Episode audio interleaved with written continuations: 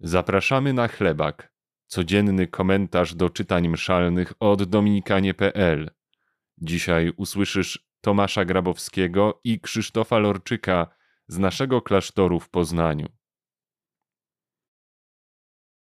Czytanie z dziejów apostolskich. Gdy Paweł przybył do Antiochii Pizydyjskiej, przemówił w synagodze. Bóg dał ojcom naszym Dawida na ich króla, o którym też dał świadectwo w słowach Znalazłem Dawida, syna Jessego, człowieka po mojej myśli, który we wszystkim wypełni moją wolę. Z jego to potomstwa, stosownie do obietnicy, wywiódł Bóg Izraelowi Zbawiciela, Jezusa. Przed jego przyjściem Jan głosił chrzest nawrócenia całemu ludowi izraelskiemu, a pod koniec swojej działalności Jan mówił: Ja nie jestem tym, za kogo mnie uważacie. Po mnie przyjdzie ten, któremu nie jestem godzny rozwiązać sandałów na nogach.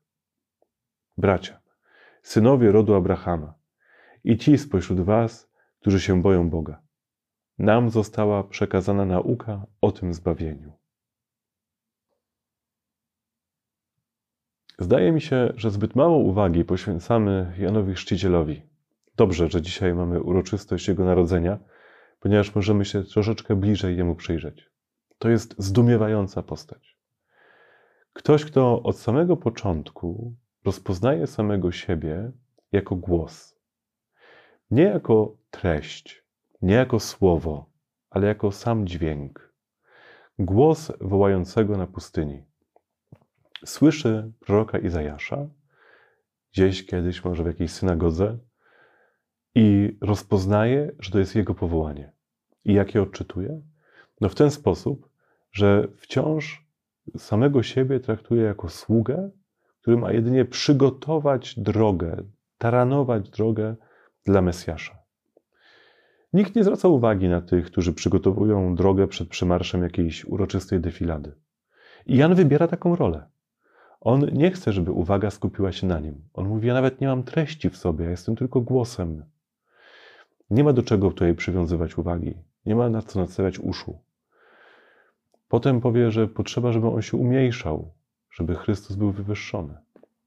I wreszcie to, co słyszymy w czytaniu, że właśnie on nie jest Mesjaszem. Prosto, wprost to mówi Izraelowi. A zobaczcie, jaka musiała być jego siła, skoro Izraelici, ci, którzy przyjmowali chrzest w Jordanie, myśleli sobie, o, to pewnie Mesjasz. Z jaką on musiał mocą przemawiać. Jak może jakichś cudów dokonywał, tego akurat nie wiemy ale z pewnością był jakąś postacią bardzo charyzmatyczną. Nie tym wariatem, którego czasem się pokazuje w filmach, y, który w jakiejś takiej skórze wielbłądziej biega tam po pustyni i coś krzyczy. Wariatów nikt nie słucha. On musiał być naprawdę kimś bardzo, ale to bardzo przekonującym, kimś bardzo charyzmatycznym, a jednocześnie kimś uniżonym. Właśnie Jan jest geniuszem w pokorze. Pokora to nie jest zawstydzenie. Pokora to też nie jest upokorzenie. Pokora to jest świadomość tego, kim jestem. Świadomość swojej mocy, swojej siły i świadomość swoich słabości.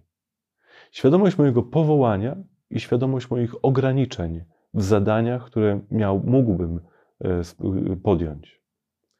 Jan właśnie wybiera to bycie w środku, idzie po grani, nie osuwa się ani w pychę, ani w niedowartościowanie samego siebie tylko zdając sobie sprawę z tego, że jest namaszczony przez Boga, faktycznie jest głosicielem, kimś pełnym mocy, kimś charyzmatycznym, kimś przekonującym, kimś, na którego słowo ludzie biorą chrzest, zmieniają życie, nawracają się, a jednocześnie kimś, kto mówi: To nie ja tu jestem w centrum uwagi. Ja tylko przygotowuję drogę. Ja tylko sprzątam ulicę, zanim nadejdzie ten, który ma przyjść, a jemu samemu nie jestem godny rozwiązać nawet sandałów u stóp. Z jednej strony może mieć poczucie, że jest wywyższony, bo taka jest prawda, ale z drugiej strony nie siada wyżej niż to wywyższenie sięga. Zostawia miejsce Mesjaszowi i na, je, na niego kieruje uwagę ludzi, a samego siebie wciąż stawia w cieniu. To jest ktoś, kogo powinniśmy prosić o to, żeby modlił się za nas, żebyśmy uzyskali dar pokory czyli tej prawdy o sobie samym, o tym wszystkim, co w nas jest silne i o tym, jakie są nasze ograniczenia. Bo pokora jest też łaską rozpoznania swojej godności, rozpoznania godności dziecka Bożego. To jest wywyższenie ponad miarę, ale jednocześnie pozostawienie nas w roli dziecka, kogoś zależnego, kogoś uległego, kogoś, kto musi być poprowadzony, kto sam jeszcze nie jest wystarczająco dojrzały na to, żeby rządzić, żeby wyznaczać cele, tylko kimś jest kimś, kto musi być prowadzony w życiu.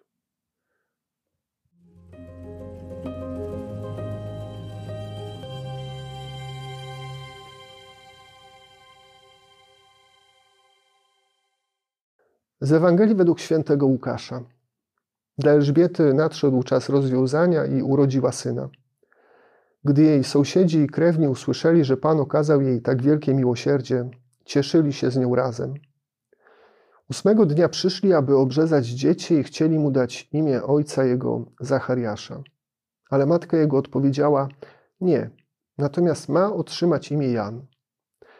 Odrzekli jej: Nie ma nikogo w twoim rodzie, kto by nosił to imię. Pytali więc na mig jego ojca, jakby chciał go nazwać. On zażądał tabliczki i napisał: Jan będzie mu na imię. I zdumieli się wszyscy. A natychmiast otworzyły się jego usta i rozwiązał się jego język. I mówił, błogosławiąc Boga. Wtedy strach wpadł na wszystkich ich sąsiadów. W całej górskiej krainie Judei rozpowiadano o tym wszystkim, co się zdarzyło. A wszyscy, którzy o tym słyszeli, brali to sobie do serca i pytali: Kimże będzie to dziecię? Bo istotnie ręka pańska była z nim.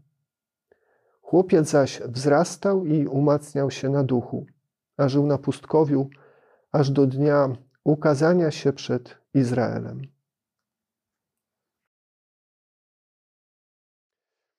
E, bardzo lubię przyglądać się, kiedy e, czytamy Ewangelię, przyglądać się imionom, które się pojawiają, e, bo one często pokazują taką trochę drugą, ukrytą historię danego fragmentu. Dzisiaj mamy, w tej dzisiejszej Ewangelii pojawiają się trzy imiona: Elżbiety, Zachariasza i Jana. Imię Elżbiety oznacza tyle, co e, Bóg jest przysięgą. E, imię Zachariasza oznacza tyle, co Bóg pamięta, a imię Jan oznacza tyle, co Bóg jest łaskawy. Pewnie gdybyśmy przyjrzeli się ich życiu, to moglibyśmy pomyśleć sobie, że e, przez znaczną część ich życia mógł sobie pomyśleć Zachariasz, że Bóg nie pamięta. Elżbieta mogła sobie by pomyśleć, że Bóg nie jest przysięgą. E, a wreszcie Jan pod koniec swojego życia mógłby pomyśleć, że Bóg nie jest łaskawy. Jest jakaś tajemnica e, historii opowiadanej przez Pana Boga i tajemniczych imion, które nam zostawia. Czasem nie wszystko mm, tak na pierwszy rzut oka e, wygląda tak, E, jak widzi i, patrzy na to Pan Bóg. Zachariasz się doczekał i odkrył, że Bóg pamięta. Elżbieta odkryła, że Bóg jest przysięgą, że Bóg jest obietnicą. E, a Jan również miał taki czas, kiedy odkrył i zobaczył, że Bóg jest łaskawy. Nawet jeżeli za tą łaskawość E, albo za pamięć o tej łaskawości przyszło mu zapłacić życiem.